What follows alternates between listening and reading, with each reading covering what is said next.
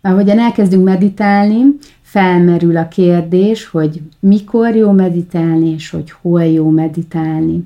Vannak különböző teóriák azzal kapcsolatban, hogy mi ezekre a kérdésekre a jó válasz. Szerintem egyébként nincsen százszerzalékosan jó válasz,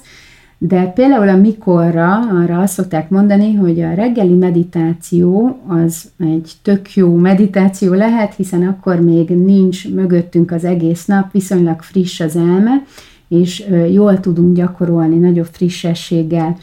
Nagyon sokan, különösen akkor, hogyha mondjuk családban élünk gyerekekkel, arról számolnak be, hogy a reggeli meditáció az esélytelen, hiszen rohanni kell reggel, nagyon sok az elintézendő, sok felé kell figyelni, nem tudunk már fél hatnál hamarabb felkelni ahhoz, hogy legyen én időnk, zavartalan időnk a gyakorlása, ezért nagyon sokunknak a reggeli meditáció az kiesik. Van, aki az esti meditációt tudja beilleszteni a napjába, tehát akkor, amikor már mondjuk a gyerekek alszanak, amikor már nincsen munka, amikor otthon vagyunk, amikor a házban sem fúrnak, faragnak, nem hallani annyira a szomszédot. Tehát van, akinek az esti meditáció az, ami ö, meg tud valósulni, Sokan viszont az esti meditációról azt mondják, hogy már annyira fáradtak, hogy legtöbbször csak belealszanak, és hogy nagyon nehéz figyelni, ilyenkor nagyon nehéz fenntartani a figyelmet, átirányítani a figyelmet, nehéz koncentrálni. És van, aki pedig azt tapasztalja, hogy a legjobb az autóban meditálni, amikor a munkából megyünk hazafelé, félrehúzódva, és ott van én időnk, ott zavartalanul tudunk lenni, és ott meg tud történni a formális meditáció. Van, aki bemegy a mosdóba, egyébként tényleg anyukák, apukák nagyon sokszor itt tudnak maguknak ö, csendes teret és egy kis zavartalan időt találni. Úgyhogy én azt gondolom, hogy ö, muszáj kreatívnak lennünk azzal kapcsolatban, hogy hol tud és mikor tud megvalósulni a meditáció, a formális formája. Ö, mert fontos az, hogy ez része legyen az életünknek, ahhoz, hogy a tudatos jelenlétet tudjuk gyakorolni a mindennapokban is. Ugye a formális meditáció az olyan, mint egy mentális konditerem, ahogyan a testünket is edzük egy-egy sporttevékenységen keresztül, vagy az, hogy elmegyünk tényleg egy edzőterembe, úgy az elménket is itt tudjuk, ezekben a formális meditációkban tudjuk tréningezni és megtanítani arra, hogy sokkal rugalmasabb legyen a mindennapi stresszekben, hogy sokkal jobban jelen tudjunk lenni azokban a pillanatokban, amikor fontos, vagy jelen tudjunk lenni, hogy általában sokkal jobban az életünk során. Úgyhogy a formális meditáció az így ö,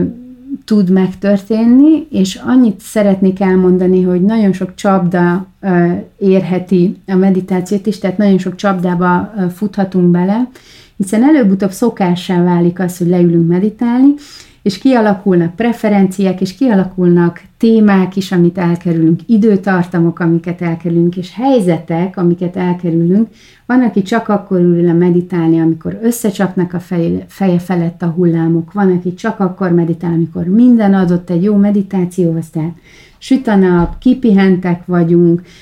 hétvége van, nem kell rohanni,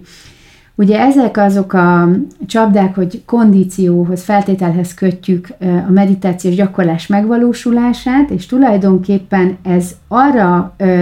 tudat, tudattalanul afelé visz minket, hogy kivonuljunk az életből, tehát nem az élet stresszeire készít fel, hanem arra, hogy ez egy fajta ilyen kis burok legyen ez a meditáció, ahova el tudok menekülni, az élet az stresszes, az zajlik, az egy dolog, és a meditáció egy másik dolog. Nagyon sokszor látom ennek a kettőnek a külön választását, és ha csak nem szeretnénk a meditációt életformánká tenni,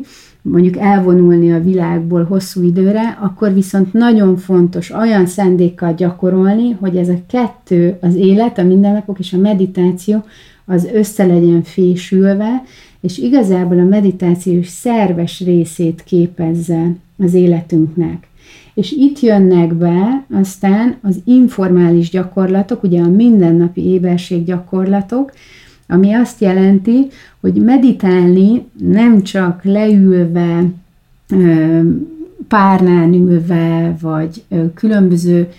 meditációs formákat gyakorolva lehet, hanem lehet evés közben is jelen lenni, és tudatosságot hozni az evésbe, lehet séta közben is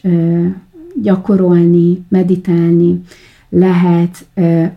egyébként napozás közben is, futás közben is, sport közben is, beszélgetés közben is meditálni. Ugye a meditáció az igazából arról szól, hogy van benne szándékoltság, tehát én szándékosan a figyelmemet a jelenre irányítom, megvan a tárgya, a fókusza a meditációnak, hogy hova figyelek, és azt is, hogy milyen hozzáállással figyelek, tehát nyitottan, kíváncsian, ítélkezésmentesen. Ez a mindfulness meditációs gyakorlásnak igazából a lényege, és ez meg tud valósulni bármilyen tevékenység közben. Tehát nagyon fontos az informális gyakorlás, és fontos a formális gyakorlás is, és az, hogy a tudatos jelenlét, a mindfulness, az ne egy életből való kivonulást jelentsen, ne arra használjuk, hogy akkor pihenjünk csak, amikor meditálunk, hanem próbáljuk bevinni a mindfulness szemléletet a mindennapokba is, és úgy megélni az egész életet, mint hogyha az egész élet egy mindfulness gyakorlat lenne. Efelé kis lépésekben haladunk nyilvánvalóan, elbukunk, felállunk és megyünk tovább, úgyhogy ha ezt tapasztalod a gyakorlás közben, akkor jó úton haladsz, és tudsz, hogy mindenki más is ezt tapasztalja. Én további sok sikert kívánok neked a gyakorlásban, és legközelebb újra találkozunk, addig is minden jót.